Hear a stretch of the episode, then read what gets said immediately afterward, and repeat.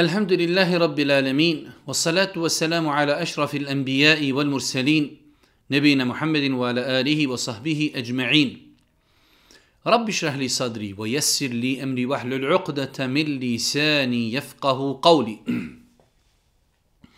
Tu se svaka بريبا pripada uzvišnom Allahu subhanahu Salavat mir i selam na Allahog poslanika, Allahog milinika Muhammeda, alihi salatu wasalam je u častnu porodcu njegove uzvrte ashabe i sve ljude koji slijede put istine do sudnjega dana.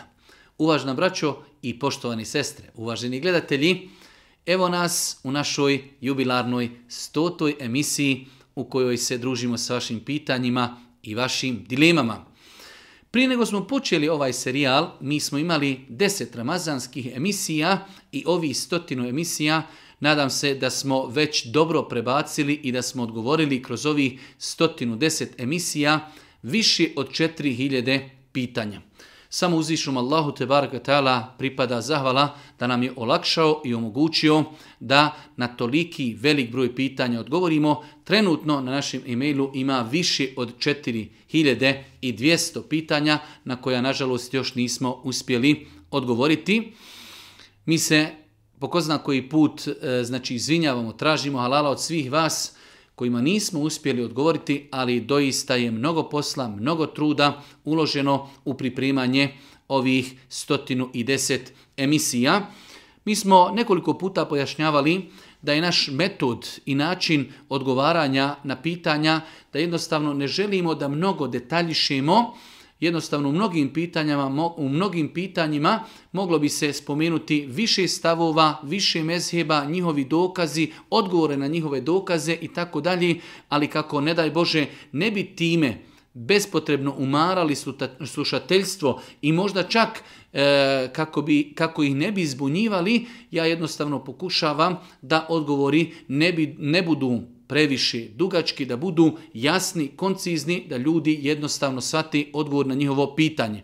Isto tako mi smo spomenuli više puta da se prilikom e, naših odgovora ne pridržavamo niti jednog od četiri priznata mezeba, već jednostavno pokušavamo da svakom pitanju pristupimo znači zasebno, Tako smo učili na fakultetu gdje smo radili komparativni fik. Svako pitanje u fiku smo analizirali u prizmi i kroz prizmu četiri mezheba, iznosili njihove dokaze, analizu i nakon toga preferirali jedno od nekoliko mišljenja. Tako da takvom metodom mi i danas znači prenosimo drugim ljudima znanje. Želimo da ljude podučavamo, tako da ih odgajamo da su spremni da prihvate istinu bez obzira u kojem mezebu ta istina bila.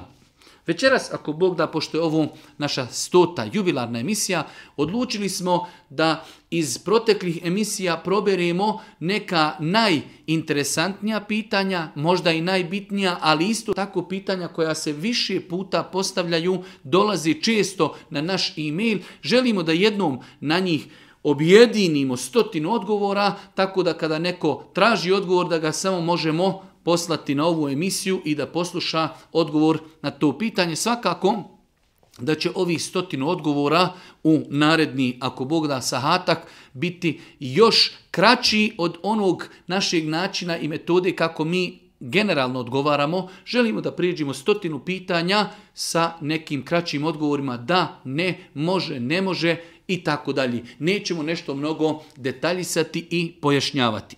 Prvo pitanje, mnogo puta su nam dolazila pitanja e, da li čovjek kada klanja namaz treba da nijet izgovara riječima.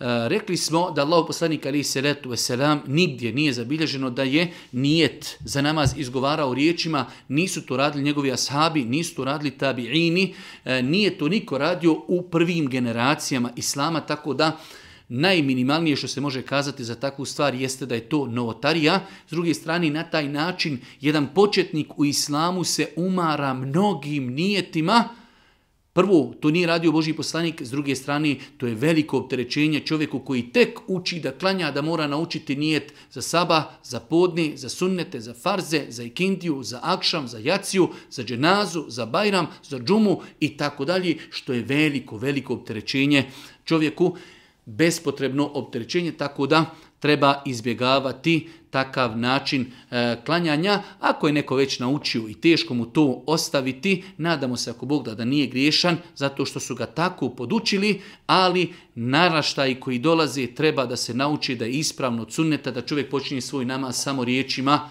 Allahu Ekber, bez ikakvog izgovaranja nijeta riječima. Drugo pitanje, često nam se postavlja pitanje u vezi propisa nikaba. Islamski učenjaci u pogledu nošenja nikaba, odnosno toga da žena prekrije svoje lice, imaju dva stava, nima trećih stava. Ima stav da je to sunnet pohvalno i lijepo i da je to obaveza. Ne postoji stav u historiji čovečanstva i u historiji islama da je nikab novotarija, da je to nešto donešeno iz nekih drugih država, od kako postoji pravni škole mezhebi, islamski učenjaci ili su kazali da je nošenje nikaba pohvalno, lijepo, sunnet, ili da je to obaveza.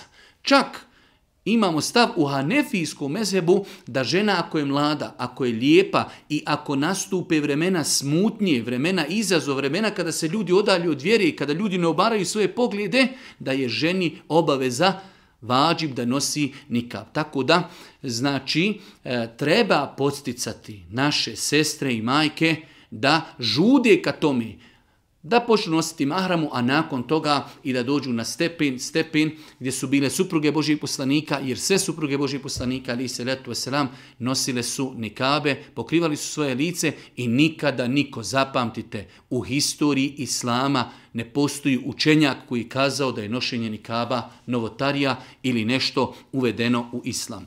Treće pitanje, veoma često koji se postavlja, jeste propis pijenja bezalkoholne pive, Mi smo kazali, sama riječ bezalkoholna, to je samo ime piva, ali je to sok od ječma. Možemo ga nazvati sok od ječma i nećemo imati nikakav problem. Sama riječ bezalkoholna znači da u njoj nema alkohola. Čak i po pretpostavci da u bezalkoholnoj pivi ima mali procenat alkohola kao što je 0,1, 0,2, to ne čini bezalkoholnu pivu zabranjenom, jer su islamski učenjaci kazali proizvodi u kojima ima mali procenat alkohola, do te mjeri ako bi popili dosta tog proizvoda ili jeli, ne bi osjetili e, znači, uticaj alkohola, takvi proizvodi su dozvoljeni za korištenje, tako da nema nikakve smetnje koristiti i konzumirati bezalkoholno pivo, čak šta više proizvodi naučno dokazano, ono je zdravo za ljudsko tijelo za razliku od gaziranih pića i mnogih drugih pića koja možda na kartonu piše da su 100%-na, a to je čista hemija. Četvrto pitanje, e, dosta puta su nam postavljena pitanja da li supružnici ako zajedno imaju novac dostignu nisab, da li moraju izdvajati zekijat, pa smo kazali da treba da se potrude supružnici da znaju koliki je udio svakog od njih u njihovom zajedničkom novcu, pa ako neko od njih dostigne nisab, zasebno njemu je obaveza da izdvoji zekat, ali zajedno ako imaju novac i zajedno zarađuju i zajedno ga stavljaju na jedan račun, njima nije obaveza izdvojiti zekat sve dok pojedinačno svako od njih ne dostigne, ne dostigne nisab. mnogo pitanja, ali baš mnogo pitanja nam dolazi da ljudi ne mogu klanjati na poslu, pa pitaju kako naklanjavati namaze. Mi smo više puta kazali i odgovorili, ja lično sam stava da ne postoji u islamu naklanjavanje namaza. Namaz je vremenski određena obaveza, ima početak namaskog vremena i kraj namaskog vremena. U tom periodu musliman se mora potruditi da nađe vrijeme i da klanja. Naklanjavanje ne postoji namaz kao što se ne može klanjati prije namaskog vremena, ne može se klanjati nakon namaskog vremena. E, bilo je više puta postavljeno pitanje e, uzimanje kredita e, iz mikrokreditnih fondacija ili organizacija, čak neke od tih mikrokreditnih organizacija za sebe kažu da su islamske, nije mi poznato da postoji, mikrokreditna ili fondacija ili organizacija koja daje halal i dopuštene halal i dopuštene kredite u kojima nema kamate. Nije mi poznato. Znači, ako nam neko daje e, pozajmicu, kredit, i kaže da uz taj kredit imaju određeni administrativni troškovi, Ti administrativni troškovi ne smiju se povećavati sa povećavanjem svoti. Ako čovjek kaže uzimam 5000 i oni kažu administrativni troškovi su 500 maraka, u redu. A ako uzimam 10.000, kaže e onda je povećajmo na 1000. Samim tim to je razotkriveno da se radi o kamati. Administrativni troškovi trebaju da budu realni i da budu fiksni. Ako nisu realni, ako nisu fiksni, onda je to kamata. Mnogo, mnogo pitanja nam je došlo da li je dozvoljeno za djecu klati akiku nakon sedmog dana a, rođenja djeteta. Velik broj ljudi jednostavno u datom momentu, da li zbog radnje obaveza, nekada zbog materijalne situacije, nisu u situaciji da sedmi dan rođenja, po rođenju djeteta, zakolju akiku. Može li se akika zaklati naknadno? Može. Nema smetnje, znači da se akika nakon toga zakolje, pa i nakon godinu i dvije i tri shodno, kada čovjek ima materijalnu mogućnost, tehničku mogućnost, jednostavno nekada vremenski, nekada materijalno, onog momenta kada čovjek ima priliku, zaklače akiku za svoje novorođenče. Kazali smo da je od sunneta i lijepo da za muško dijete se zakolju dvije ovce, a za žensko jedna. Ako bi se i za muško zaklala samo jedna ovca, ispunjen je sunnet akiki. Dosta puta su nam ljudi postavljali pitanje da li doticanje spolnog organja kvari abdest ili ne. Rekli smo da postoji jako razilaženje kod islamskih učenjaka. Postoji jasan hadis da je Allah poslanik Ali Isirat sam kazao ko dotakne spolni organ neka obnovi abdest. I e, mi smo tom hadisu i tim hadisima iz tog značenja dali prednost na drugim hadisima iz kojih se može shvatiti da doticanje organ, spolnog organa ne kvari abdest. Tako da... E, Ja sam lično stava, ako se dotakne direktno rukom spolni organ da to kvari abdes, bez obzira bilo sa strašću ili bez strasti. Za razliku od doticanja spolnog organa preko peškira ili preko odjeći, koje po konsenzusu učenjaka ne kvari, ne kvari abdes, ako preferiramo mišljenje da doticanje spolnog organa kvari abdes, samim tim i majke koje peru svoju djecu od nužde i dotaknu njihov spolni organ, samim tim su izgubile abdest. Osmo pitanje, mnogo puta su nam ljudi postavili, odnosno deveto pitanje, su postavili pitanje da li je dozvoljeno u savremenom dobu eh, presađivanje kose. Eh, presađivanje kose je pokušaj da se čovjek vrati u svoj prvobitni izgled, tako da islamski učinjaci su kazali da je to, hajde da kažemo, eh, pokušaj pokušaj E, da čovjek prekrije svoju tu neku, evo da je nazovemo mahanu, tako da, ako Bog da, nima u tome ništa sporno s aspekta Islama, da čovjek presadi kosu, da li će uzeti kosu, znači sa potiljka ili na bilo koji drugi način, tako da ono što su kazali učenjaci savremenog doba, da nema smetnje da čovjek koji ima opadanje kose i želi da pokuša zaustaviti opadanje kose ili da vrati, znači, uh, ponovo svoju kosu e, na način presađivanja kose, da je to, ako Bog da, dozvoljeno i da nije zabranjeno.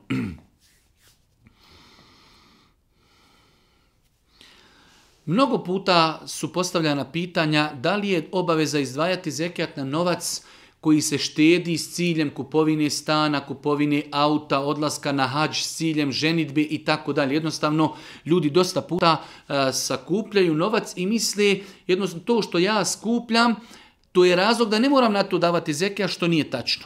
Ako novac kojeg mi štedimo dostigne nisab, I ako taj novac kod nas pregodini, nama je na kraju godine obaveza izdvojiti na njega zekijat, bez obzira da li to bilo za hađ, za ženitbu, za auto, za kupovinu stana, kuće, bitno je da je taj novac dostigao nisab i kao takav da je pregodinio da nikada nije padao ispod granice nisaba. Ako se ispunje ta dva uvjeta, to što mi štedimo i čuvamo i želimo da nešto ostvarimo u životu, nije razlog da ne izdvajamo zekjat i nije razlog da znači sa nas padne obaveza izdvajanja zekjata.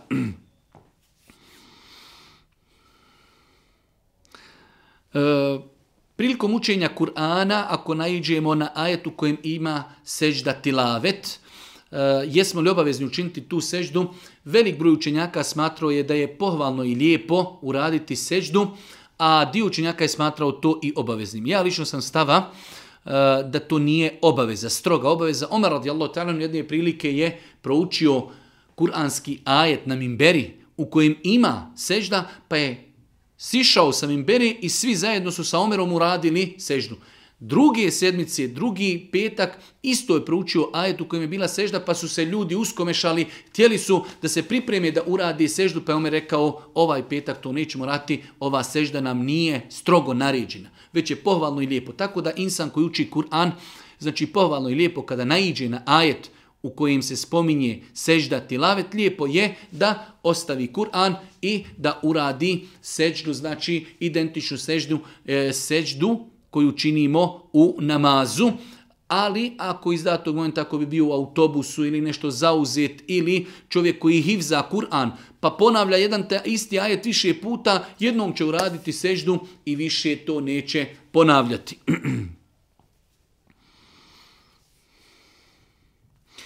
12. pitanje, dosta puta nam je postavljeno pitanje da li je dozvoljeno saljevati stravu i da li je to validan način liječenja. Nije validan način liječenja izljevanje strave.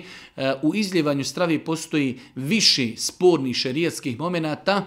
E, niti je to činio Boži poslanik, niti je to odobrio. Da ne govorimo da u svemu tome ima mnogo nejasnih stvari, proricanje budućnosti, govor o prošlosti, saradnja sa džinima. Nerijetko se dešava da ljudi e, ili žene koje izljevaju stravu, e, zamotavaju to sve u neki celofan pobožnosti islama, ali ono što možemo znati jeste da izljevanje stravi nije validan niti ispravan način liječenja prema islamskim načelima. 13. pitanje, mnogo puta su nam ljudi postavljali pitanja vezana za e, rad u bankama. E, banke koji su sastavni dio kamatnog sistema, bilo koji posao, islamski učenjaci savremenog doba su smatrali zabranjenim, znači čovjek u banci da bude, da bude stražar, da bude čistač, nešto što nema veze direktno sa izdavanjem znači e, kredita, ali na taj način čovjek da je stražar ili da je čistač, on čisti prostor, da ga uljepša onima koji dođu i da im pripremi teren da dođu da ljudi uzmu kamatne kredite samim time samim time e, muslimanu nije dozvoljeno da radi u bankama koje posluju putem kamatnog sistema neko će sada kazati pa dobro na taj način neće muslimani nikada rati u bankama da Trebaju muslimani da svate da im je to zabranjeno i da muslimani svate da trebaju da imaju islamske banke, koji će poslovati shodno islamskim principima poslovanja i tu trebaju da ulaži svoj novac i tu treba da traži posla.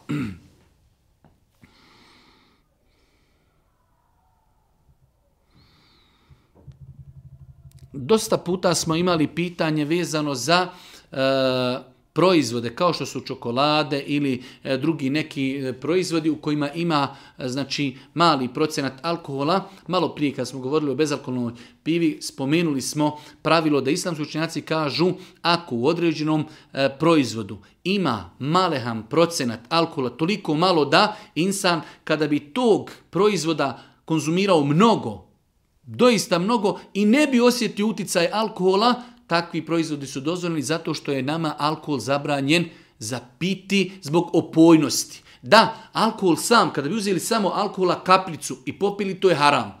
Ali u ovom slučaju mi smo mi konzumiramo proizvod u kojem ima samo mali procenat alkohola, a mi ne osjetimo opojnost. Alkohol je zabranjen zbog opojnosti. Zamislite kada bi imali e, bure, vode 100 litara i uzmemo kaplicu alkohola i kapnemo to bure. Hoćemo li kazati da ne smijemo piti tu vodu zbog te kaplice?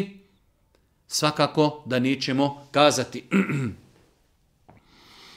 Mnogo puta smo e, imali priliku da nam se postavlja pitanje u vezi zajedničkog zikra nakon namaza. Kazali smo da Allah poslanik Ali se letu selam toliko godina je klanjao sa svojima sahabima, ne postoji niti jedan hadis, ni direktno, ni indirektno, koji ukazuje da je Allah poslanik zajedno zikrio e, E, nakon namaza sa svojim ashabima. Imamo vjerodostojne hadise kod imama Buhari i muslima su ashabi, radi Allah ta'ala, znali dok bi Boži poslanik predao selam, odma izlaziti iz džamije, a nisu znači čak ni zikrili sami, a kamol da su zikrili zajedno, tako da a, e, nije propisano da ljudi zajedno zikri, da ne govorimo što na taj način, pogotovo ako se znači muezin zikri i spominje zikr na glas, na taj način izmjeravaju drugi ljudi koji u to vrijeme klanjaju na filu, tako da ispravno je od suneta da čovjek svaki insan nakon namaza za sebe zikri. Da li je ženama dozvoljeno da nose lak i da li je ispravan abdest preko nalakiranih nokata i da li je dozvoljeno korištenje halal laka? Generalno gledajući, žena koja ima nalakirane nokte, ako abdesti nalakirane, preko e, nalakiranih nokata njen abdest nije validan samim time i ako tako klanja namaz, taj namaz nije validan. E sada, postoji mogućnost da žena stavi lak na nokte u periodu kada je u mjesečnici, kada je u hajzu, nifasu ili u periodu između dva namaska vremena. Postoji nešto što kažu da je halal lak kao on propušta vodu i gledao sam neke kao... E, pokazatelje gdje ljudi stave maramicu da čekaju 10 minuta i kao evo prošla je voda. Ali mi kada imamo taj halal lak na našim noktima nećemo mi držati svoju ruku 5 minuta u posudi za vodu kao da voda prođe do naših nokata. Ta voda prelazi preko naših nokata i sigurno ne prolazi do naših nokata. Tako da i to što neko tvrdi da postoji neki halal lak koji propušta, koji propušta vodu, treba naše sestre muslimanke da izbjegavaju kako ne bi dovodile u pitanje svoj abdest, niti da dovode u pitanje svoj namaz. Pitanje, mnogo puta nam se postavljalo pitanje da li je valida namaz žene koja ne nosi mahramu. Znači, klanja pokrije se i nakon toga ne nosi mahramu. E, noš, e, klanjanje namaza je e, jedan od najvećih ibadeta u islamu, s druge strane nošenje mahrame je zaseban ibadet. Nešto što uzvišnji Allah tebara katala naredio ženi, ali to nema nikakve uzrečno posljedične veze između nošenja mahrame i propisno e, e, klanjanog namaza. Žena koja ispravno se pokrije klanja namaz, nije namaz je validan. To što ne nosi mahramu, to je dodatni grijeh za kojeg će biti posebno pitanje. Tako da, ako bi već morali da biramo da žena ne nosi mahramu, ali klanja namaz, ili ne nosi mahramu i ne klanja namaz, apsolutno treba da klanja namaz, njih namaz je ako Bog da jedno veliko, veliko dobro dijelo, a žena godinama koja bude klanjala namaz, sigurno će doći na level i doći u situaciju da kaže od sutra ako Bog da nosim i mahramu, ali generalno, znači nošenje mahrame nema nikakve veze sa validnošću njenog namaza, ovo nikako ne znači poigravanje niti odobravanje da neka žena ne nosi mahramu, ali mi govorimo o propisu da li je validan namaz ili ne. Razlika u namazu između muškarca i žene. Mnogo puta nam je postavljeno pitanje da li postoji razlika u namazu između muškarca i žene. Tačno je da ne postoji nikakva razlika. Allah poslanik je bio muškarac, on je kazao i muškarcima i ženama klanjajte onako kako ste mene vidjeli da klanjam. Taj hadis je općenit odnosi se i na muškarce i na žene. Gledajte kako ja klanjam i tako i vi klanjate. Ne postoji vjerodostojan hadis u kojem stoji muškarci neka u namazu klanjaju ovako, a žene neka klanjaju onako. Tako da se dizanje ruku, vezivanje ruku, odlazak na seždu, sjedinje na etehijatu, odlazak na ruku, u svim tim situacijama žena i muškarac isto se ponašaju u namazu. Mnogo puta postavljena su nam pitanja rukovanje muškarca sa ženama, muškarcu je dozvoljeno da se rukuje sa ženama kojima je on trajni mahrem.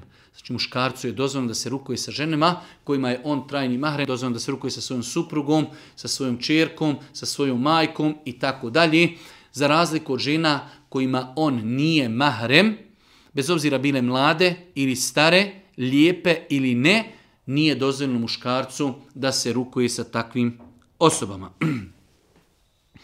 Mnogo puta su nam ljudi postavljali pitanja vezano za namaz ljudi koji radi kao vozači kamiona. Rekli smo da je olakšica da insan koji vozi kamion i ide na relaciji dalje od 80 km od mjesta u kojem živi da ima mogućnost da spaja namaze i da krati namaze. S tim što treba da se zaustavi i da klanja, znači kada je u pitanju farz namaz, mora se okrenuti prema kibli, I znači može klanjati podni zajedno sa ikindijom, akšam sa jacijom, podni dva rekiata, ikindiju dva rekiata, akšam tri rekiata, jaciju dva rekiata, sava svakako znači u sabaskom vremenu.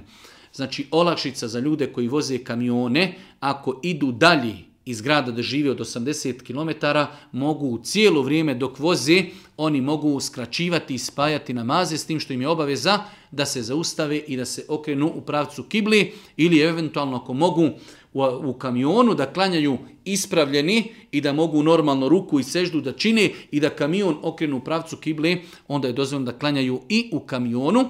Za razliku od na fili, na filu i vitre mogu klanjati čak i za volanom vozeći jer je Boži poslanik Ali Selatu Veselam klanjao na filu i vitr namaz jahajući svoju devu. Znači kamionđije mogu klanjati na file u toku vožnje dok vozi, makar se ne okrenuli prema kibli, znači i makar klanjali sjedeći za razliku od uh, farz namaza koji moraju klanjati stojeći i moraju se okrenuti prema kibli, a mogu uživati privilegije spaljanja namaza i kraćenje namaza. E, pitanje životnog osiguranja, dosta puta nam je postavljeno pitanje osiguranja, generalno pravilo sa osiguranja koja su komercijalna, su u islamu zabranjena zbog osiguranja E, više faktora. Jedan od faktora jeste uplatio sam toliko, a dobit ću možda mnogo više ili neću dobiti ništa. Tako da sve ono što je zasnovano na komercijali, znači nije dozvoljeno. Tako i životne osiguranja nisu dozvoljena. Više puta nam je postavljeno pitanje e, da li je dozvoljeno kurban kada se kolje, da ga ispećemo i tako podijelimo pa smo kazali da nema nikakve smetnje, čak šta više u datom momentu možda je to malo i bolje, jer velik broj našeg naroda ne voli i ne konzumira ovčije meso, sirovo, ali kada mu donesemo pola kile ili kilu ili dvije pečenog mesa, svi će to pojesti, tako da u datom momentu možda je to i ljepše i pametnije i korisnije da e, ispečemo kurban i da ga podijelimo, znači meso da podijelimo pečeno. Više puta nam je dolazilo pitanje da li je ženama dozvoljeno da izađu iz kuće, e, a da nisu obukle čarape, e, da izlaze u sandalama. Rekli smo da je bio dio učenjaka koji su smatrali da stopalo ženi nije avret, ali bez obzira e, smatram da žena vjernica, mu'minka, pokrivena, ne bi trebala sebi da dozvoli i ne vidim da se to uklapa u, u znači, izgled žene. Žena nosi mahramu, nosi džilbab i dole u sandalama, znači, E, otkrivenih nogu, žena vjernica bi trebala prilikom izlaska iz kuće da obuče čarape i da obuče znači e, cipele ili nešto drugo što će prekriti znači njena stopala. Mnogo puta smo dobivali pitanje da li žene u toku hajza mjesečnice mogu ulaziti u džamiju, pa smo kazali da postoji jako razilažen kod učenjaka, ali analizirajući njove stavove vidjeli smo da ne postoje jasni dokazi koji to zabranjuju. Tako da, ako ima potreba da žena uđe u džamiju u toku mjesečnice na predavanje, na vjenčanje, da bi pomogla u čišćenju džamije, na neku manifestaciju, na hatme i tako dalje, bitno je da se dobro zaštiti kako ne daj Bože e, krvlju svojom, pogotovo u prvim danima mjesečnice, e, ne bi možda, e, kako ako bude sjedila na tepisima, kako krv ne bi prošla na tepihe, znači bitno je da se dobro i sigurno zaštiti, ali to što ima hajz nije, nije razlog da, da joj kažemo da, da ne dolazi u džamiju, pogotovo ako ima nešto bitno, neko predavanje, neko druženje, e, vjenčanje i tako dalje. E, imate osoba, jednostavno žena se udaje i taj dan je u mjesečnici, a treba taj dan da se vjenča, nema inšala bizna, ništa sporno u tome da žena u periodu mjesečnice uđe u džamiju, samo je bitno ako Bog da se dobro zaštiti, kako ne daj Bože, jer je krv uh, E, mjesečnice, neđaset i nečistoća po konsenzusu islamskoj učenjaka, kako ta krv, ne daj Bože, ne bi, ne bi došla do tepiha. Mnogo, mnogo pitanja nam dolazi e, u pogledu šta uraditi sa zapisima i hamajlijama ili hamajlijama koji smo našli ili koje mi imamo i tako dalje. Znači ono što je propisano jeste da se te hamajlije razmotaju i da se zapali, bismiletom da se zapali, iako Bog da to neće nikome štetiti. Znači hamajlije bez obzira šta u njima bilo, da li u njima bilo nešto što liči arapskim slovima, da li u njima nešto bi, ima što liči nekim kuranskim ajetima, nema nikakve smetnje da se to raspetlja, rašije i da se to zapali. Mnogo puta su nam ljudi postavljali pitanje šta uraditi prilikom useljenja u novu kuću. Ne postoji nikakva posebna procedura prilikom useljenja u novu kuću. Ono što čovjek može, ali nije to poseban ibadet, jeste da i zahvali Allahu te barakvetala da okupi svoje komšije, prijatelje, poznanike, rodbinu. Eto jednostavno kao vid zahvali Allahu da se napravi neka večera, možda da zovne nekog efendiju ili ne znam nija daju, da održi neko predavanje, ali ništa to nije zaseban ibadet. badet. Znači ovo je samo kao vid zahvali Allahu te barka tala, ali da postoje neke posebne dove, posebna ceremonija, posebni mevludi, ne postoji ništa posebno. Čovjek koji izgradi kuću može danas da useli bez ikakve islamske posebne procedure. E, šta uraditi u slučaju kada čovjek izgubi abdestu namazu? Nastaviti klanjati e, u situaciji kada čovjek izgubi abdest jedan od velikih grijeha. Znači insan koji izgubio abdest mora napustiti namaz. Insan, bez obzira. To je malo neprijatna situacija, ali zadovoljstvo našeg gospodara mora biti na većem stepenu od toga. Znači čovjek treba da napusti, da izađe iz safa i da izađe, da ode abdestanu, da obnovi svoj namaz. Ne smije čovjek koji izgubio abdest u namazu, ne smije nastaviti klanjati namaz. Mnogo puta su ljudi postavljali pitanje u vezi dove e, u namazu na maternjem jeziku, pa smo kazali da je bio dio učenjaka koji su dozvoljavali da se dova čak uči i na farzima i na sunetima na maternjem jeziku, ali ipak mislim da farz treba sačuvati, ipak je farz ima svoju posebnost. Smatram da je neko središnje mišljenje ispravno da čovjek u sunnetima, na fili, može na seždi učiti dovu na maternjem jeziku ali kada je u pitanju farz, ne treba to učiniti, treba u farzima da učimo dove koje su zabilježene od Božijeg poslanika, alihi salatu wasalam. Pitanje kome i kada je dozvoljno potirati po čarapama i mestvama u, u smislu nekada ljudi misle da je e, to olakšica samo ako zatim imamo potrebu, što nije tačno. Znači, tokom cijele godine, čak u ljetu, kada su najveće temperature, čovjek ako je obukao čarape, kada je abdest i obukao čarape, može na sljedećem namazu, kada bude abdestio, da ne skida čarape i da potire po tim čarapama. Što znači, potiranje po mestama i čarapama nije uvjetovan to bude samo zimi ili da bude u potrebi ili u bolesti ili na putu, ne. Tokom cijele godine čovjek ima pravo da potire po mestvama ili da potire po čarapama, svakako ako se ispune uvjeti, najbitni uvjet za čarapama validnost potiranja prije po čarapama i mestvama jeste da se mestve ili čarapi obuku još dok smo pod abdestom. Dosta puta nam je postavljano pitanje u vezi izdržavanja djece nakon razvoda braka, alimentacija, pa smo kazali bez obzira što se roditelji razvedu, kao što je znači u toku braka čovjek taj kom je obaveza da izdržava svoju suprugu i svoju djecu i kada se razvedu, bez obzira što djeca možda pripadnu ženi ili čovjeku, muž, otac je taj kome je i dalje obaveza da izdržava svoju djecu. Možda ta djeca žive sa svojom majkom, ali on je taj kome je obaveza da izdržava svoju djecu. Nažalost, nažalost, velik broj ljudi nakon razvoda braka, ako djeca pripadnu supruzi, prestaje sa finansiranjem svoje djece, što je jedan veliki zulum i velika nepravda znači otac dok živi sa tom ženom njemu je obaveza da ženi obezbijedi stan i hranu i piće i odjeću osnovne potrebe egzistencije i obavezemo je tu da e, obezbijedi svoje djeci. Isto tako i kada se roditelji razvedu, obaveza izdržavanja ostaje.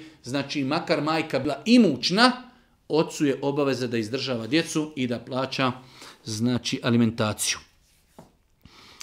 Mnogo pitanja nam je dolazilo, pogotovo kada smo snimili kako i na koji način se klanja i abdesti, pitanje e, potiranja vrata prilikom abdesta, pa smo kazali da vjerodostojna hadisi koji bilježi Buharija i Muslim, koji zabilježi po sunenima, ne spominju, niti se navodi da je Allah poslanik prilikom abdesta potirao vrat. Tako da nema potrebe da se potire vrat prilikom abdesta dosta, dosta pitanja nam je dolazilo na temu dizanja ruku u namazu. Kazali smo da je to samo jedan od sunnjeta u namazu, da to nikako ne smije biti razlog svađe ili ne daje Bože netrpeljivosti među muslimanima. To je jedno pitanje od vremena mezheba gdje su učenjaci zauzeli različite stavove. Većina učenjaka je smatrala da je dizanje ruku četiri puta u namazu sunnet, Ali isto tako e, ispravno i validno je mišljenje, legalno mišljenje da se ruke samo dižu prilikom početnog tekbira. Lično sam stava da hadisi koji bilježi Buharija i Muslim e, u kojima se spominje dizanje ruku, da su oni prioritetni. Imam Buharija kao najveći muhadis svih remena napisao je zasebno dijelo u kojem je analizirao samo pitanje dizanje ruku namazu gdje je iznio ne, ne, znači, e, baš jake argumente e, u kojima je e, spomenuo e, da je Allah poslanik Ali Seratu Esram dizao ruke prilikom početnog tekbira, prilikom odlaska na ruku, prilikom povratka sa rukua i prilikom ustaja na treći reke, a tako da dizanje ruku je apsolutno sunnet, ali isto tako moramo uvažavati činjenicu da velik broj ljudi uz naših podneblja nisu imali priliku da se time sreću, da im to možda malo i smeta. Treba ljude podučavati od strane njihovih autoriteta da je to legitimno mišljenje. Kod Kjabe kada odemo vidimo da većina ljudi u ummetu diže ruke i niko nikom je ne smeta, tako da dizanje ruku namazuje sunnet, ali isto tako to nikako ne smije biti razlogom netrepeljivosti svađe ili ne daj Bože mržnje među muslimanima.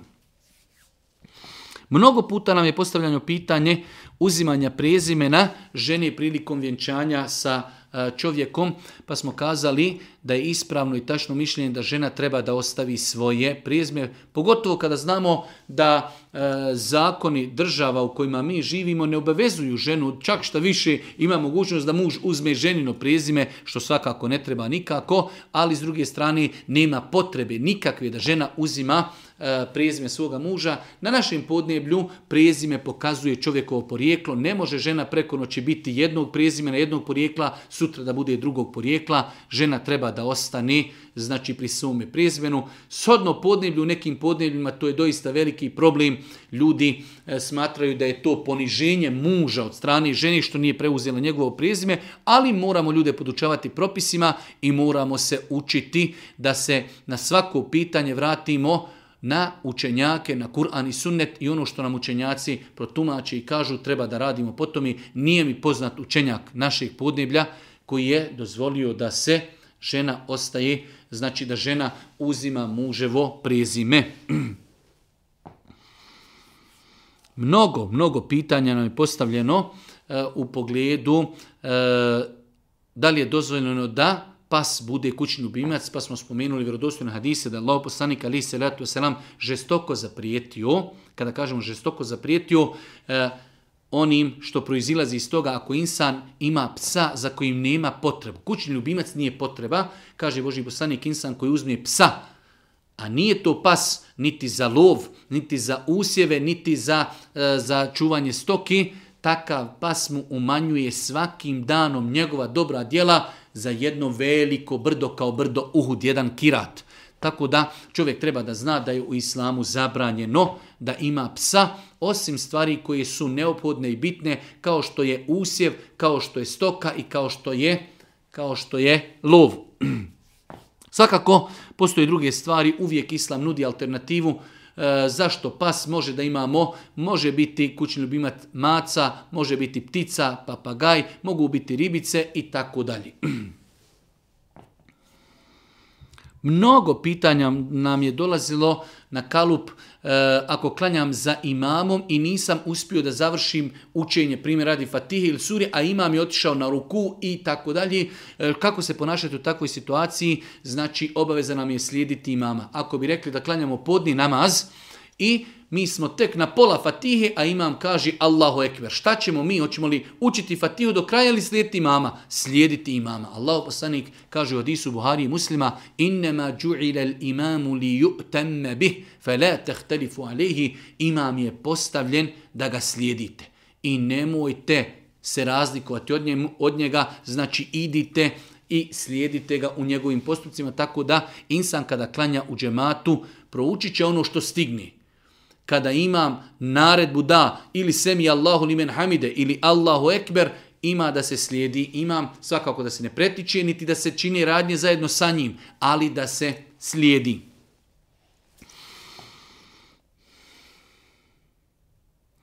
Mnogo pitanja nam je bilo postavljeno na kalup da li čovjek u džunup stanju i žena u hajzu su čisti tjelesno čisti, da li smiju izaći iz kući, odgovor je i žena u hajzu i čovjek kada je džunup i žena kada je džunup, oni su tjelesno čisti. Oni su tjelesno čisti, znači žena može kuhati, može se rukovati, e, može otići u grad, platiti struju, otići na posao. Bitno je da dođu na vrijeme da se okupaju kako mogli klanjati namaz. Oni pravno nisu čisti. Pravno ne mogu, učiti Kur'an, ne mogu, ne mogu klanjati namaz, ali su oni u stvarnosti čisti, nisu nikakvi baksuzi, smiju voziti auto, smiju ići na planinu, smiju ići na posao, ali je bitno da se okupaju do narednog namaza kako bi mogli ako Bog da na vrijeme da klanjaju, ali s aspekta da li su čisti, čisti su, nema nikakve smetnje.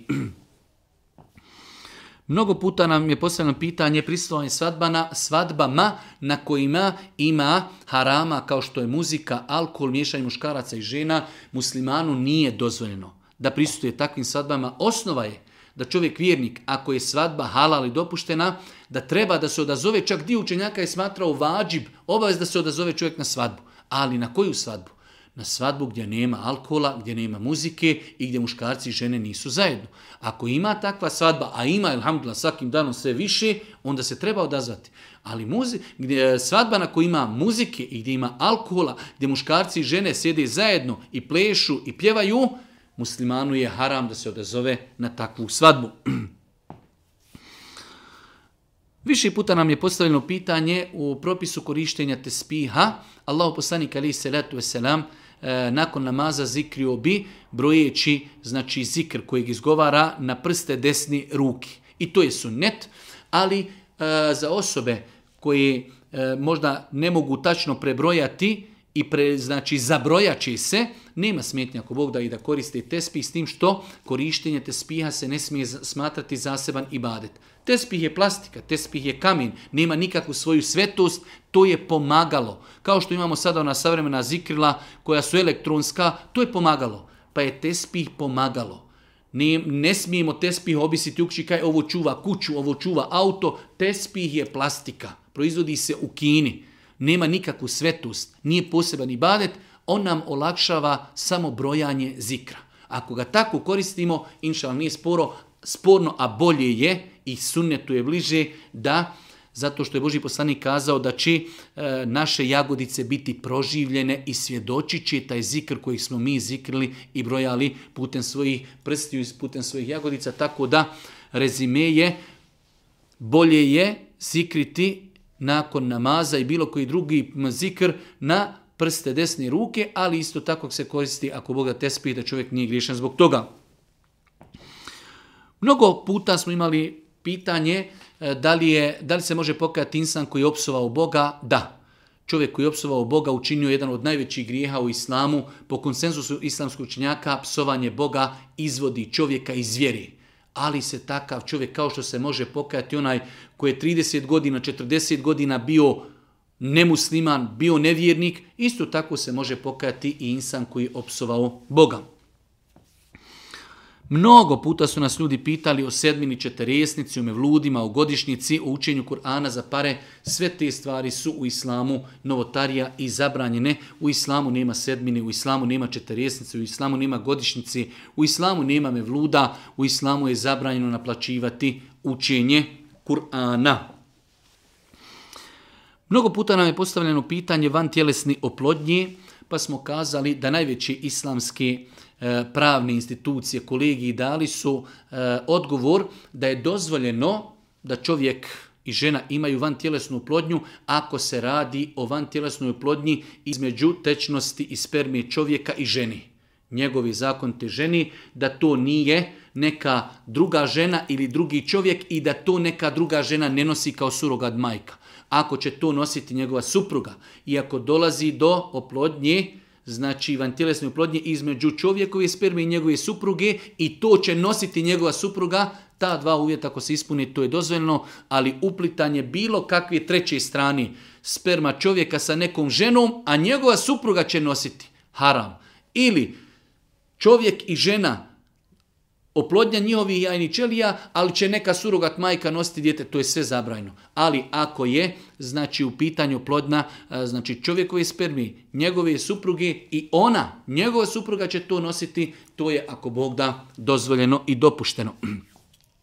Više puta su nam dolazla pitanja da li je dozvoljeno u islamu igrati igrice, pa smo kazali da je tu u osnovi halal, dopušteno mubah, ali da igrice u sebi ne smije imati ništa što je zabranjeno, s druge strane da to čovjeka ne odvodi od onoga što mu je obaveza, od namaza, od učenja Kur'ana, od škole i tako dalje i da mu to ne postani glavna preokupacija. Ali eto, da čovjek dnevno, ne znam, pola sata, sahata, vremena, malo se opusti dijete, da malo se poigra, ako bi to bilo u tim nekim granicama i da u tim igricama nema ništa sporno šerijatski, inšala da je to halal i dopušteno.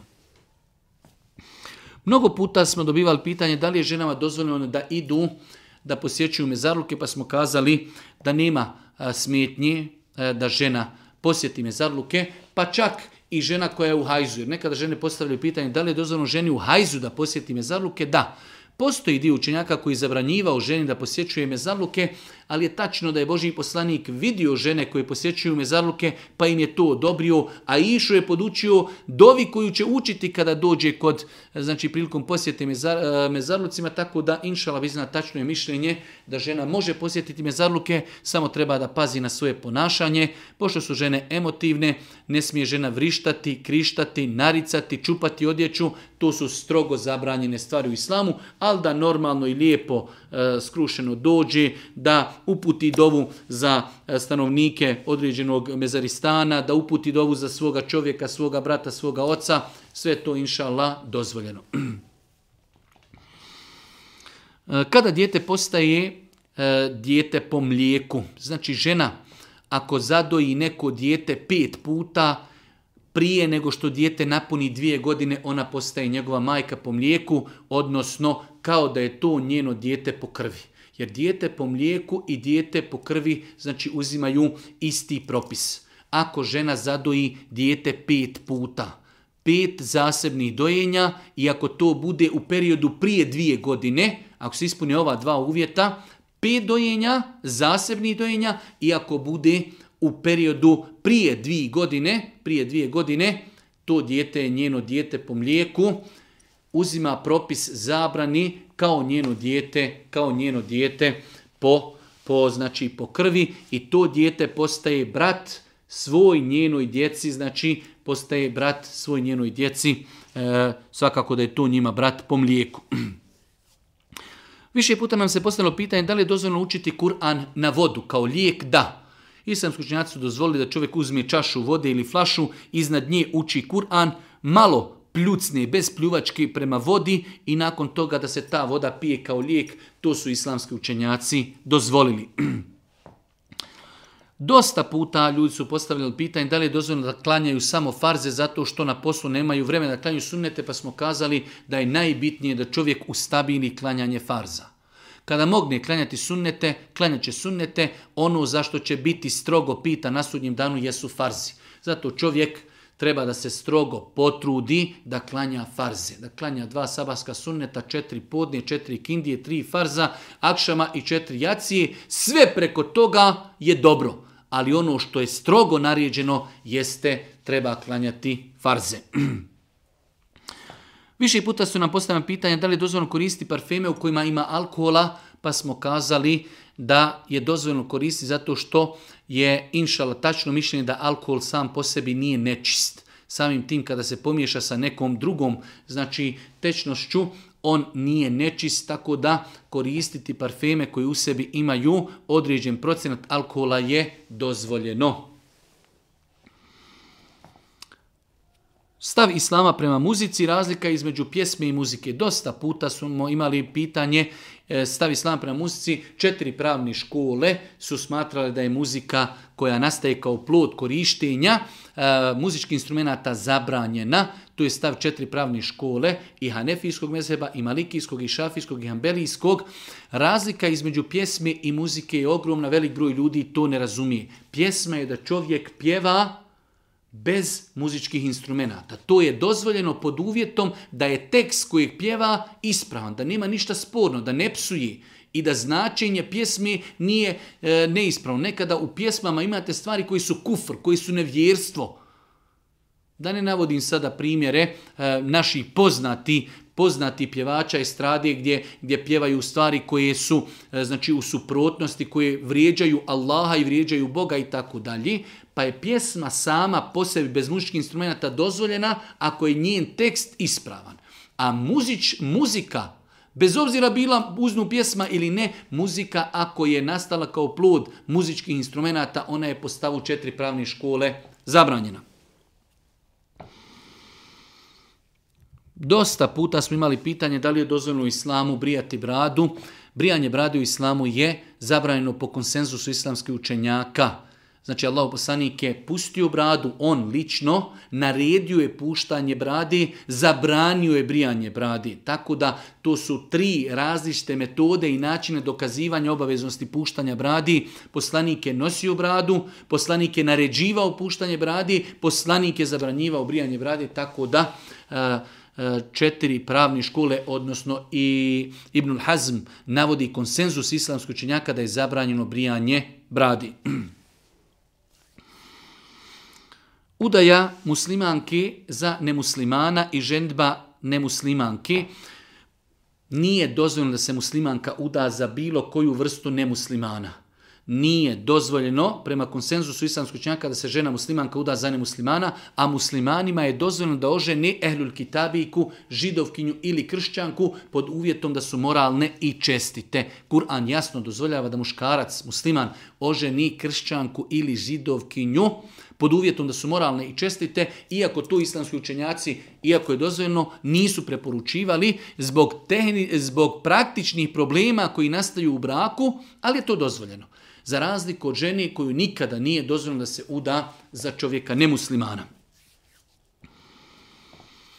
Dosta puta su nam ljudi postavili pitanje može li neko iz inostranstva opunomoćiti u Bosni, u Sanđaku, Kosovu, Albaniji i nekoga da za njega zakolje kurban, nema smetnji. Ako osobu znamo da je povjerljiva i da je vjernik, znači da e, mi pošaljemo njemu pare, a da on u naše ime zakolje akiku ili da zakolje za nas kurban.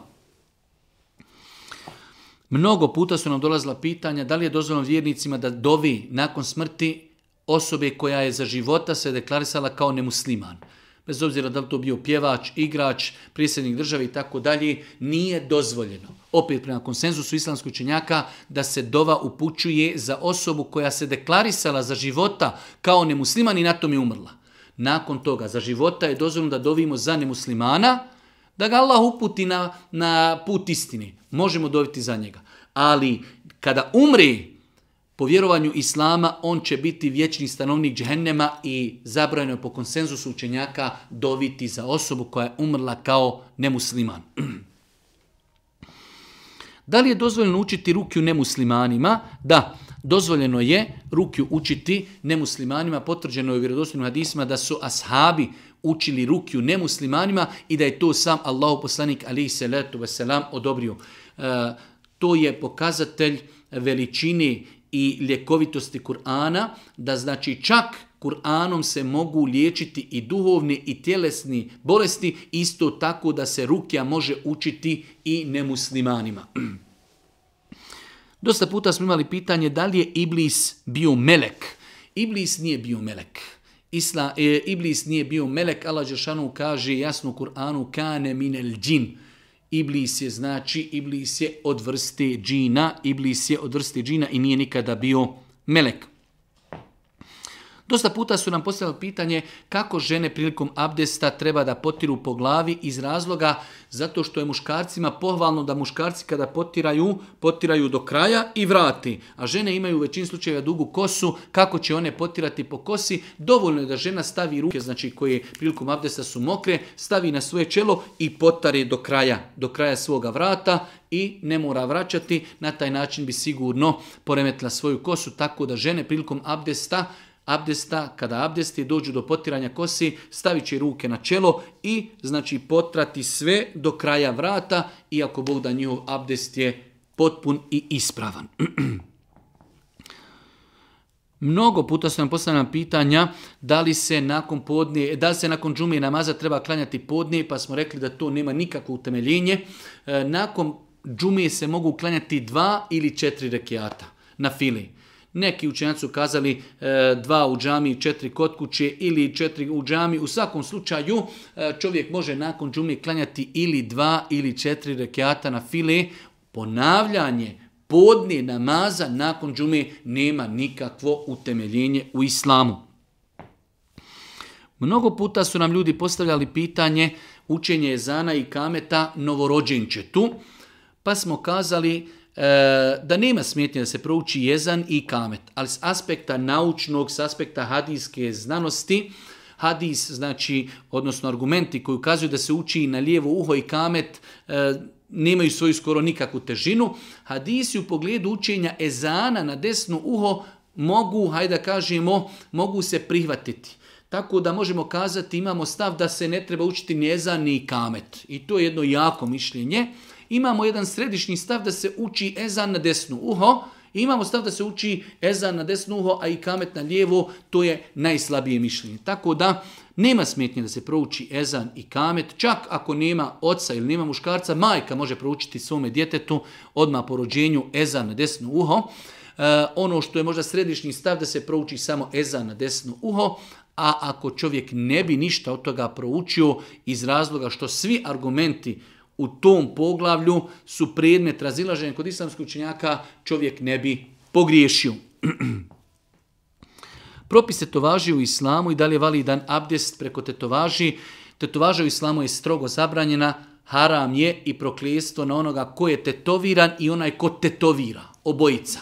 Ali e, ako je tetovaža na mjestu koji se peri prilikom abdesta, nadamo se ako Bog da je takav abdest validan. Propis napisane riječi, da li je razvod braka validan ako čovjek napiše svojoj supruzi SMS poruku ili Whatsapp ili Viber poruku gdje joj kaže da je razvedena? Da, u islamu postoji jedno veliko pravilo gdje se kaže e, napisana riječ uzima propis izgovoreni riječi. Ako ta riječ je jasno napisana, može se jasno pročitati i čovjek zna da je on napisao, ona uzima propis izgovoreni kao da je on tu riječ kazao svojim, rije, e, svojim ustima, tako da ako insan napiše nešto, to u islamu uzima propis kao da je to i rekao svojim ustima i svojim jezikom.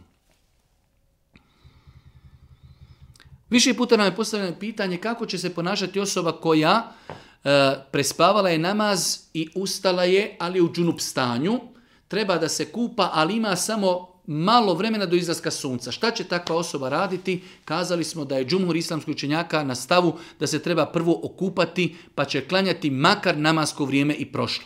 Znači čovjek se probudio, ako kažemo sunce izlazi u 6, on se probudio 10 do 6, ali se je probudio u džunup stanju. Mora se kupati. Hoće li uzeti tejemom, klanjati sa tejemom ili će se kupati, a zna dok se okupa da će izaći sunce, islamski učenjaci su kazali, pošto je on spavao, prespavao, on će se okupati, a nakon toga klanjati namaz. Više puta je bilo pitanje odnos žene prema njenom djeveru. Može li se sa njim rukovati, može li sa njim se osamljivati i može li pred njim da ne nosi mahramu. E, djever nije ženi, znači svojoj snahi, on nije mahrem on nije ženi mahrem samim tim, ne može se ona sa njim osamljivati, ne može se sa njim rukovati i pred njim mora nositi mahramu. Znači, e, djever svojoj snahi nije mahrem. On se sa njom ne može rukovati, ne može se sa njom osamljivati, ne može sam sa njom putovati i ne može ona pred njim skidati mahramu, već pred njim treba da bude šerijetski pokrivena. Mnogo pitanja nam je dolazilo na kalup uh, da se žena žali na čovjeka da ne ispunjava njene seksualne potrebe, pa smo kazali kao što je čovjeku obaveza da ženi obezbijedi hranu, piće, odjeću, isto tako čovjeku je obaveza da ženi ispuni u granici njene potrebe, u granici svoje mogućnosti njene seksualne potrebe, jer je Allah tala stvorio čovjeka i ženu da imaju potrebu žena za muškarcem, čovjek za ženom. Ako bi se desilo, da čovjek duži period ne može da ispunjava ženi neseksualne potrebe, ona ima validan šerijetski razlog da traži razvod braka.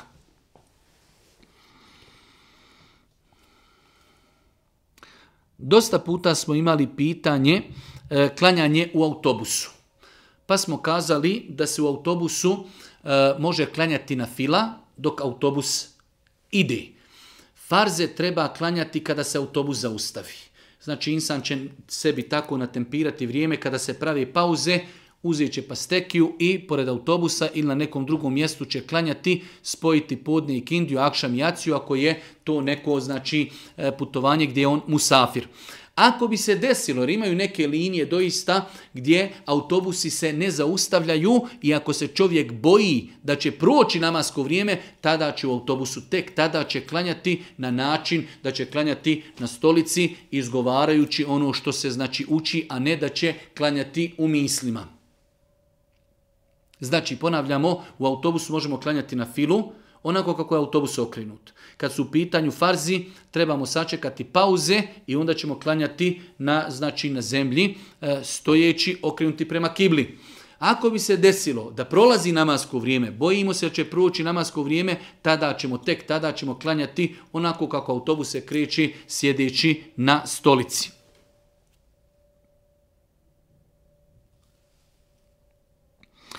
Dosta puta su nam ljudi postavljali pitanje da li je dozvoljeno, da li je doz, e, odnosno da li je griješan čovjek ako njegova supruga ne nosi mahramu, pa smo kazali da čovjek vjernik treba da na lijep način e, savjetuje svoju suprugu, ali isto tako da e, on ako je poduzeo sve što je mogao, on nakon toga više nije griješan. Svakako žena koja ne nosi mahramu, kada je muž pozove, griješna je zbog gospodara. Jer je gospodar na redu nosi mahramu, ona to nije ispoštovala i griješna je što odbija svoga muža, što je poziva u ono što je dobro za nju. Tako da žena, kada je čovjek... E, E, postiče na mahramu i ona to odbije, ona ima dupli grijeh. Griješna je zbog gospodara, nije se pokorila svojem gospodaru i ne pokorava se svome mužu. Dosta puta nam je postavljeno pitanje lov u islamu. U islamu postoje jedno veliko poglavlje u svim knjigama fikha o lovu. Pa imamo jestive životinje koji se mogu loviti kao što je srna ili ne znam nija nešto drugo, e, gdje čovjek koji se bavi lovom zijec ili srna, treba da se poduči propisima, obaveza je da čovjek prilikom pucanja kaže bismillah, kao što prilikom klanja kažemo bismillah, ako životinja bude ubijena od pucnja, ta životinja ako Bog da halal, ako zatekne životinju da je živa, onda da bi ta ulovljena životinja bila halal, mora je zaklati. Ako bi lovac zatekao ranjenu životinju, ona živa i ne zakolje je. I nakon toga ona, e, da kažemo, ugine, to meso nije dozvoljno jesti. Znači, uvjet lova je da čovjek prilikom pucanja kaže bismillah i kada dođe do životinje, ako je već ona mrtva, ona je halal. Ako je zatekne živu, mora je, mora je zaklati. Propis nošenja hijjaba pred zetom i pred amiđom. Dosta puta nam se dešava da žene pitaju moram li biti pokrivena pred svojim zetom? Ne. Zet je trajno mahrem svojoj punici, sa njim se može znači ona rukovati, može sa njim putovati i ne mora pred njim nositi, ne mora pred njim nositi hidžab, isto je, isto je stanje i sa amidžom. Dosta puta žene pitaju moram li biti pokrivena pred svojim amidžom? Ne, žena ne mora biti pokrivena pred svojim amidžom za razliku u nastavku Tetić i Daj, Dajđić, znači ili Amidžić, pred takvim osobama žena mora biti pokrivena, oni joj nisu mahremi, ni Tetić, ni Dajđić, ni Amidžić, za razliku od Amidže i Zeta. Znači Zet je ženi punici svojoj trajno mahrem. Amidža je, znači svojoj bratišni, mahrem i ona pred njim može biti bez mahrami, za razliku žena ne može biti otkrivena pred Amidžićom, niti pred Tetićem, niti pred Dajđićem.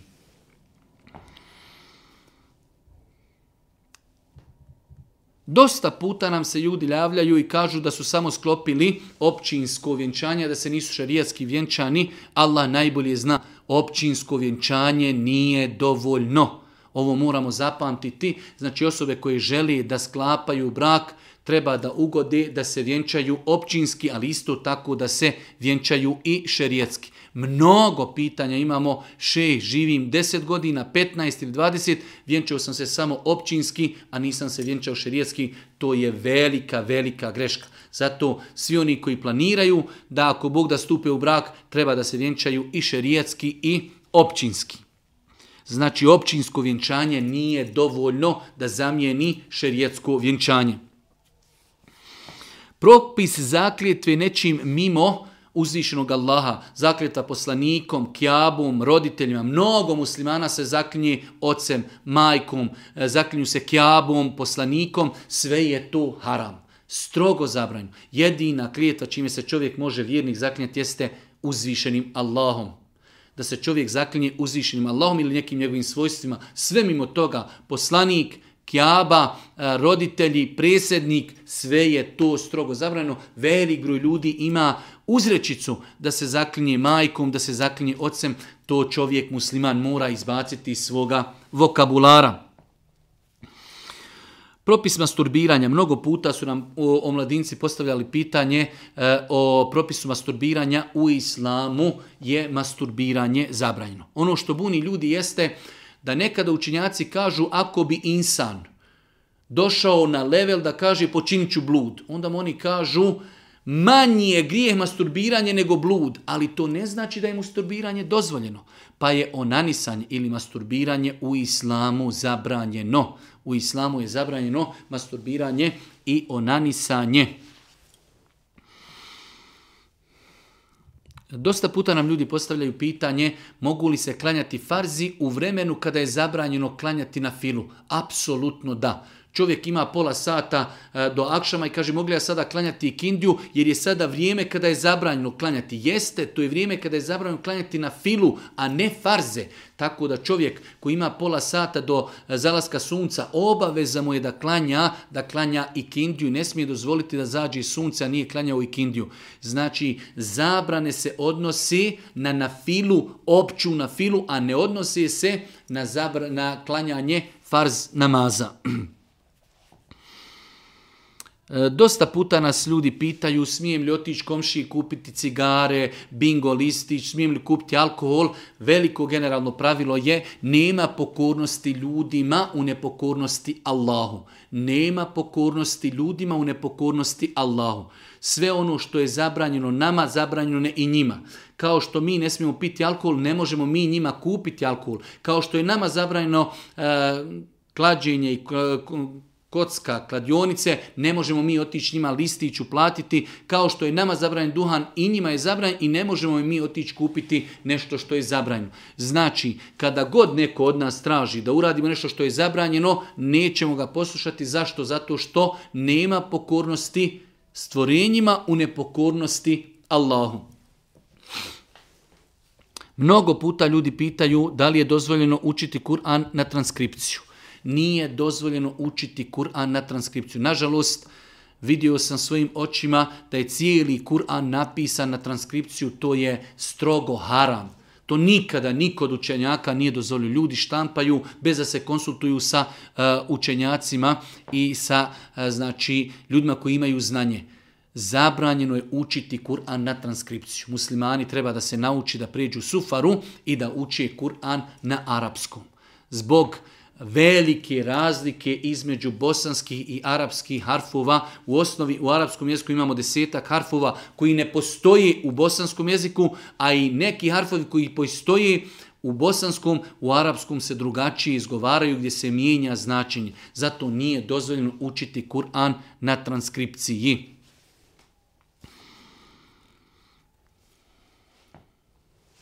Stav Islama prema velikom griješniku na sudnjem danu jeste da čovjek e, koji je bio muwahid, koji je bio musliman, ako umri kao takav, ima dne više grijeha, on će biti kažnjen jedno vrijeme u džehennemu i bit će vraćen u džennetu gdje će ostati vječno. Znači, ljudi se dijele u tri kategorije nevjernici, nemuslimani, koji ako umru na tom idu vječno u džehennem, vjernici koji su imali više dobrih dijela od grijeha iće direktno u džennet i vjernici koji su imali više grijeha od dobrih dijela, ali su vjernici, muslimani, muahidi, oni će biti kažnjeni, nekom Allah ne oprosti, bit će kažnjeni jedno vrijeme u džennemu, nakon toga će ući u džennet. Mnogo puta su nas ljudi pitali o propisu konzumiranja duhana, kazali smo da islamski učenjaci savremenog doba ne poznajem nikoga ko za sebe kaže da je ših i da je da i da je daje da je učenjak da kaže da je dozvoljeno konzumiranje duhana ili da je pokuđeno. Konzumiranje duhana je haram zato što je to uništavanje imetka, zato što to šteti našim zdravlju i zato što to šteti ljudima iz našeg okruženja. Tri faktora zbog kojih ne smijemo sumnjati 1% da je konzumiranje duhana zabrajno, uništavamo imetak, uništavamo zdravlje i štetimo ljudima iz našeg okruženja. Mnogo puta ljudi pitaju kada se uči jutarnji večernji zikr, kazali smo da to nije precizirano, tako da sama riječ jutarnji večernji, da se uči jutrom. Znači od sabah namaza pa do izlaska sunca. Pa i nakon izlaska sunca, samo je bitno da to bude u jutarnjem periodu, isto tako večernji zikr od ikindije pa do akšama, prije akšama, pa i poslije akšama, sve je to riječ obuhvaćeno večernji zikr. Učenje jutarnjeg večernjeg zikra nije definisano ni precizirano kada. Tako da ćemo mi to učiti u periodu jutra i u periodu večeri. Mnogo puta ljudi postavljaju pitanje zašto se u Kur'anu kaže Allah za sebe mi. To je stil arapskog jezika. Allah Jeršanu kaže Kul huvallahu ehad, reci Allah je jedan. I to je srž vjerovanja Islama i muslimana da je Allah jedan. Ali Allah kada govori o sebi, u nekim situacijama za sebe kaže inna nahnu nezelne zikra. Doista mi objavljujemo Kur'an i mi ćemo bdjeti nad njime. To nikako ne znači da ima više bogova, već Allah Đelšanu govori o sebi nešto slično onome što u našem jeziku ima persiranje. Znači jednostavno to je stil arapskog jezika i nikada Arapi, koji su tako dobro poznavali arapski jezik, nisu Božijem poslaniku prigovorili i rekli, e eto, ovi ajeti ukazuju da ima više bogova. Nikada. Njima je bilo jasno, kul huvallahu ehad, Allah je jedan. Nema drugog Boga osim Allaha, ali je to arapski stil izražavanja. Mnogo pitanja nam je dolazilo na temu tumačenje snova putem sanovnika, pogotovo sanovnik Ibnu, e, Ibnu Sirina. Nije dozvoljno tumačiti snove putom sanovnika i nije validno pripisivanje knjige sanovnik Ibnu Sirina Ibnu Sirinu.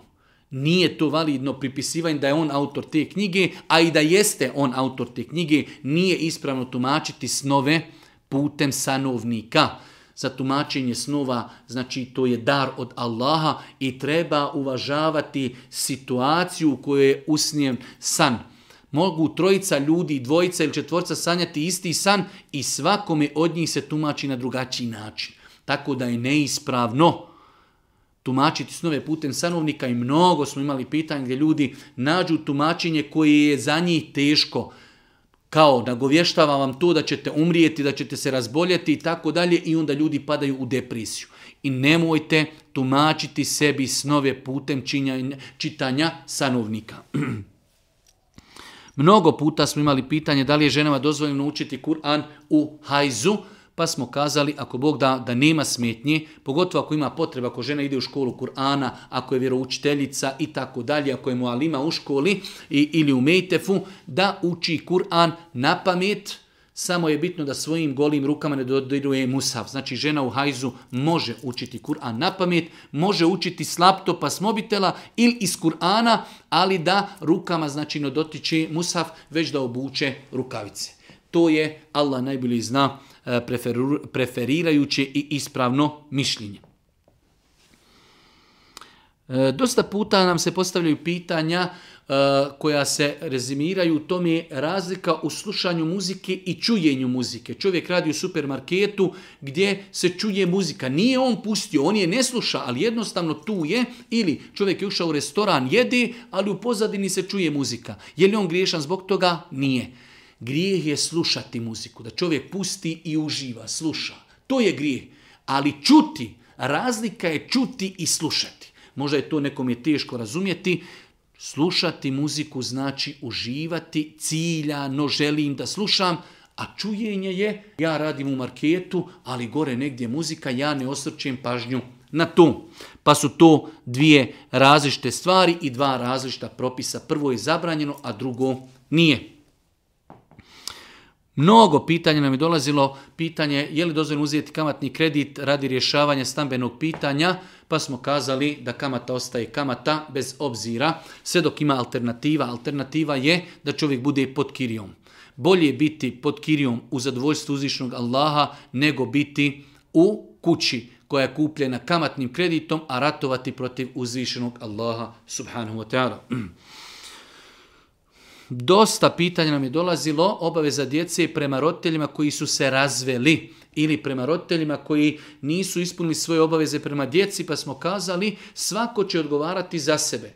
Dijete će odgovarati kako se opodilo prema roditeljima, a roditelj kako prema djetetu. Tako ako je otac zakazao prema djeci ili majka napustila djecu, ostavila ih kod oca i otišla, ona će biti odgovorna za to. Ali mi ćemo biti odgovorni, smo učinili dobročinstvo majci i ocu. Pa znači, e, ako je neko zakazao prema nama i učinio grijeh, mi ne trebamo učiniti grijeh prema njemu. Mnogo pitanja nam dolazi na temu da li je dozvoljeno uzeti poklon od nevjernika prilikom njihovih praznika, pa smo kazali da nema smetnji ako je taj poklon u osnovi halal, da ti pokloni miris, da ti pokloni e, sok i tako dalje, da se to uzme bilo koji praznik nevjernički, da je dozvoljeno uzeti poklon koji je halal ali ako nam pokloni nešto što je haram ili nešto što je vezano za praznik, tada to nećemo prihvatiti. Ako nam pokloni alkohol ili nam pokloni krst i tako dalje, takve stvari nećemo prihvatiti. Isto u tom kontekstu zabranjeno je strogo zabranjeno čestitanje nevjerničkih praznika, ono što je dozvoljeno uzeti poklon. To je dozvoljeno, to je to su učenjaci dozvolili ako je taj poklon halal.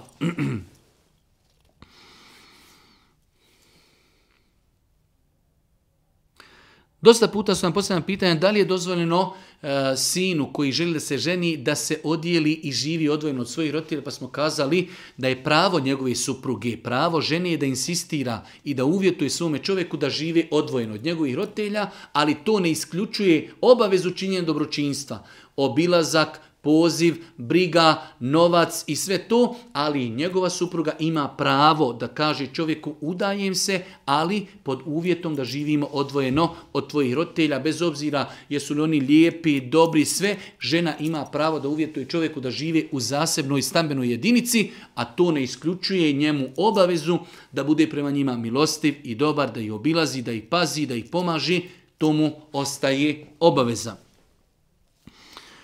E, dosta puta se postavlja pitanje vezano za e, miraz, islamski miraz.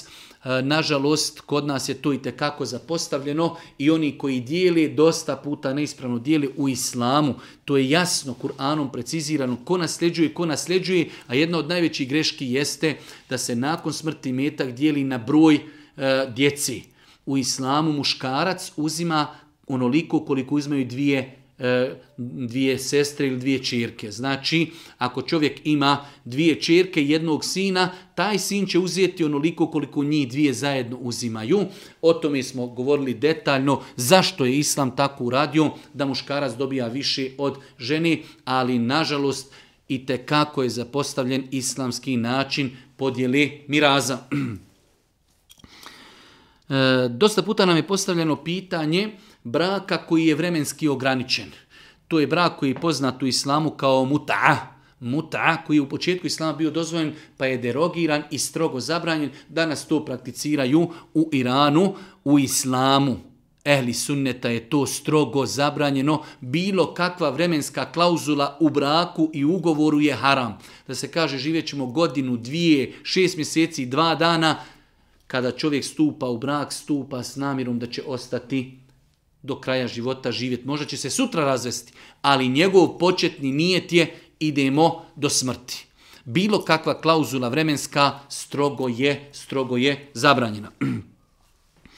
Učenje Kur'ana bez abdesta nema smetnije da čovjek uči Kur'an bez abdesta. Sjedimo u autu, sjedimo u autobusu, idemo u liftu, smo u kući, čovjek sjedi i uči Kur'an bez abdesta, nema smetnje. Postoji jako razilaženje da li se može musav dirati bez abdesta, ja lično sam stava ako ima potreba za tim da nema smetnje i učiti Kur'an iz mushafa bez abdesta, svakako da je ljepše i potpunije učiti i dodirivati mushaf bez abdesta znači sa abdestom, ali ako ima potreba, nije insan, inšallah, griješan ako dotiče Musaf bez abdesta.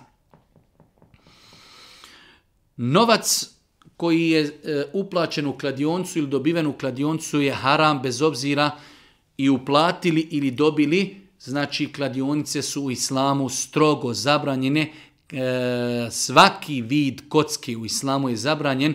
Danas najrasprostranjenim vid kocke jeste kladionice i metak dat u kladioncu je haram, dobiven i metak iz kladionice je haram. Od pitanja koja su postavljena više puta jeste i razvod u šali. Znači, Allah poslanik je u vjerodostojnim hadisima kazao tri stvari i u ozbilji i u šali su ozbilja. Jedna od tih stvari jeste i razvod braka. Znači, ne smijemo se poigravati sa razvodom braka, da čovjek se šali sa svojom ženom, kaže, ma razvodim te, nakon toga kaže, ma znaš šta je, šalio sam se. Taj razvod se je desio. Taj razvod je pao. Tako ne smijemo se poigravati sa takvim stvarima. E, dosta puta su nam postavljena pitanja časovi vožnji sa osobom suprotnog spola, muškarac, njegov instruktor je žena ili žena polaži kod muškarca, zabranjeno je osamljivati se u vožnji sa osobom suprotnog spola. Ako već se nešto tako mora, onda treba da bude treća osoba koja će poništiti osamljivanje, a u svemu tome opet ostaje taj moment dodirivanja, zato je najbolje da muškarci uzmeju časove vožnje kod muškaraca, a žene kod žena.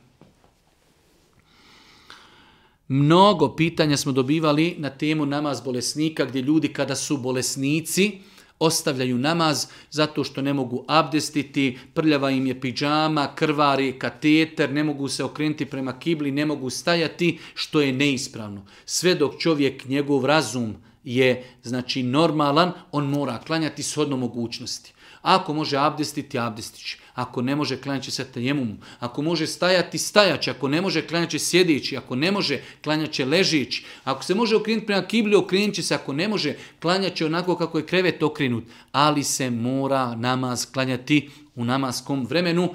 U nekim situacijama koje je problem veliki, bolest, teška, čovjek može spojiti namaze podnije sa ikindijom, akšam sa jacijom. Dosta puta su nam ljudi postavili pitanje, odnosno žene, da li postoji procedura prilikom donošenja odluke da će žena se pokriti. Ne postoji nikakva posebna procedura, znači žena koja je odlučila da počne nositi mahramu, ništa. E, pokrije se i izlazi sa tom svojom e, odjećom napolje, nema nikakva dova, nikakav kurba, nikakav mevlud, nikakva posebna procedura, to je jedan farz kojeg je ona ispunila, ne mora od toga praviti nikakvu ceremoniju. Mm. E, magareće i mlijeko, dosta puta smo govorili o tome, e, je nečisto po mišljenju džumhura islamske učenjaka i samim time ne može se konzumirati, ne može se piti, može se konzumirati, odnosno može se koristiti e, u oblogama koje su vanjski. Kao što i pitanje alkohola. Znači, alkohol, alkoholne obloge su dozvoljene, isto tako kreme ili neke druge obloge od magrećeg mlijeka su dozvoljene, ali čovjek treba da zna da je to nečisto. Ako koristimo svinsku mast ili ako koristimo e, znači obloge od magrećeg mlijeka, treba da znamo da je to nečisto i moramo to oprati prije nego počnemo klanjati namaz, prije nego počnemo klanjati namaz, znači magreće i mlijeko nije dozvoljeno konzumirati, ali je dozvoljeno koristiti u oblogama i svinsku mast, i magreće i mlijeko ili alkohol, ali to treba oprati prije namaza. E, dosta puta su nas ljudi pitali je li dozvoljeno e, klanjati u obući, pa smo kazali da je Čak u datom momentu kada smo negdje na izletu ili na njivi, od sunneta i lijepo klanjati obući, ali je lijepo i potrebno da provjerimo samo da li nam na odjeći i obući ima nešto nečisto. Ako se ispostavi da nam je obuća čista, nema na njoj neđaseta, lijepo je klanjati u obući. Da li je dozvoljeno nemuslimanima da E, čitaju nemuslimani prijevod Kur'ana. Dozvoljeno je. Nemuslimani ne trebaju da drži i da uzimaju mushaf u arapskoj verziji, ali da uzmu prijevod Kur'ana nema ništa sporno u tome da nemuslimani, bez obzira kojoj vrsti pripadali, znači da uzmu prijevod Kur'ana i da ga čitaju. Dosta puta nam je posljedno pitanje da li je dozvoljno plaćivati hijjamu nema smjetnje da ljudi koji se profesionalno bave uh, hijjamom, da naplate trud i vrijeme koje su uložili da bi nekome uradili hijjamu. Nema smjetnje znači da ljudi koji se profesionalno bave hijjamom, da naplate svoju struku, da naplate svoje vrijeme, da naplate uložena sredstva hijjamom nema nikakve smjetnje i da to zacijeni da imaju određenu fiksnu cijenu da se kaže hijama je ne znam 10 eura, 20, 50 manje ili više da bude fiksna cijena nema znači ništa u tome sporno.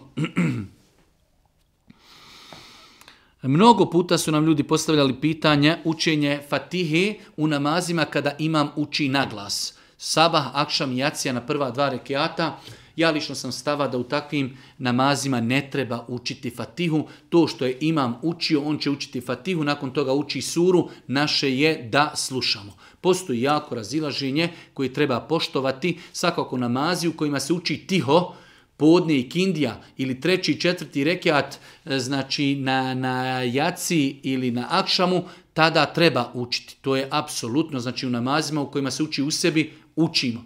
Pitanje je samo ako uči imam naglas na prvom rekiatu i drugom sabahu, akšamu i jaci, hoćemo li i mi nakon njega učiti fatihu, ja sam stava da nema potrebe učiti, dovoljno je to što je imam učio, naše je da slušamo njegov kirajet. Više puta su ljudi postavljali pitanje vezano za bedel, hađ i umru. Jedan od glavnih uvjeta za bedel hađ jeste da je osoba koja će biti bedel obavila hađ ili umru, To je prva stvar. Druga stvar, e, ako se radi o mrtvoj osobi. Ako se radi o živoj osobi, uvjet je da ta osoba je trajno nemoguća da ode nahađi ili na umru. Znači, ako se osoba trenutno razbolila godinu ili dvije, čekamo da ozdravi, pa će ona ići nahađi. Ali ako se neko razboli, znači, E, bolešću za koju doktori kažu nikada neće ozdraviti i nikada neće moći ići na hađ, onda je dozvoljeno za insana još za njegovog života obaviti hađ. Ali ako je to sekundarna bolest, privremena bolest, onda čekamo da ozdravi. Tako da znači imamo dvije stvari. Osoba za koju se obavlja hađ, ako je mrtva, može. Ako je živa, onda gledamo je li zdrava i sposobna. Ako je zdrava i sposobna, treba za sebe da obavi. Ako je bolesna, gledamo je li trajno ili je privremeno. Ako je privremeno, čekamo dok ozdravi. Ako je trajno bolesna, ne može nikada otići na hađ, onda je za života dozvoljeno da se za nju obavi hađ. Onaj ko ide za nju na hađ, treba već da je za sebe obavio hađ, ili ako ide za um, na umru, da je za sebe obavio umru. Više puta su nam postavljena pitanja da li je dozvoljeno e, prilikom abdesta svaki dio tijela koji perimo oprati samo jednom, odgovor je da. Znači, prilikom abdesta možemo svaki dio prati po jednom, po dva put i po tri puta. Sve je to zabilježeno u vjerodostojnim hadisima, možemo prati svaki dio po jednom, po dva puta, po tri puta, osim glavi. Glava se potiri u svim verzijama abdesta samo jednom. Dosta puta su nam ljudi spominjali razgovor toku hudbe, džuma, namaz, zabranjeno je u toku hudbe bilo kakav razgovor bilo kakav razgovor, nažalost veligroj ljudi u toku hudbe međusobno razgovara što je zabranjeno, što je zabranjeno i čovjek u toku hudbe treba da se tijelom i licem okrene prema imamu i da pažljivo pat, e, prati njegovo izlaganje.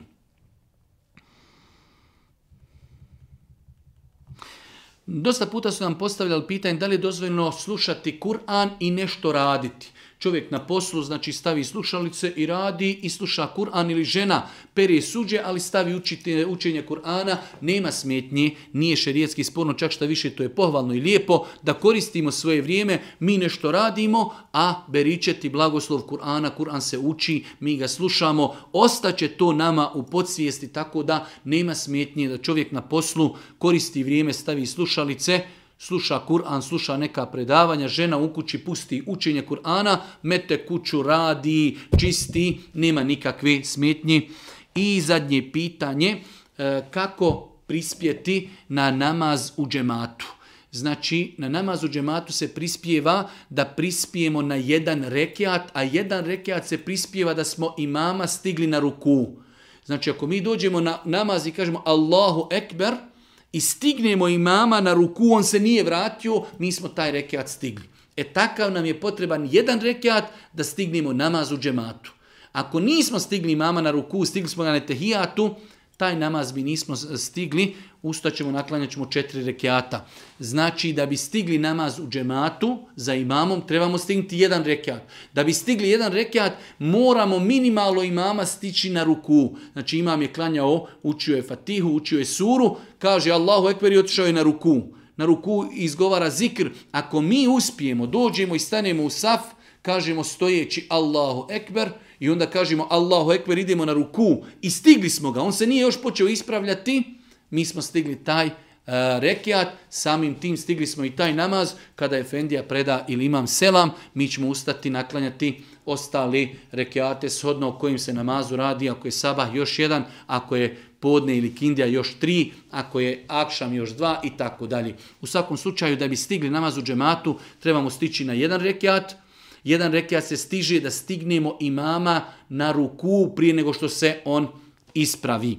Ono što mi stignemo za imamom, to je naš prvi rekiat, makar to bio njegov zadnji rekiat, to je nama prvi rekiat, kad budemo naklanjavali, nastavljamo drugi, treći, četvrti, opet shodno namazu. Allaha subhanahu wa ta'ala molimo, ova je malo emisija bila duža, ali evo, nismo htjeli prekidati. Odabrali smo neki stotinjak pitanja koja su e, najčešće dolazila. E, mislim da u ovom predavanju mnogo toga smo, ako Bog da, i obnovili. Allah sve na tala, molimo da nas učesti na putu istini, da nam podari korisno znanje, da nam olakša prakticiranje onoga što smo naučili na kraju. Subhaneke Allahumma bih hamdike, ešhedu en la ilain sakfiruke, vajetubu ilik. Oh, oh, oh.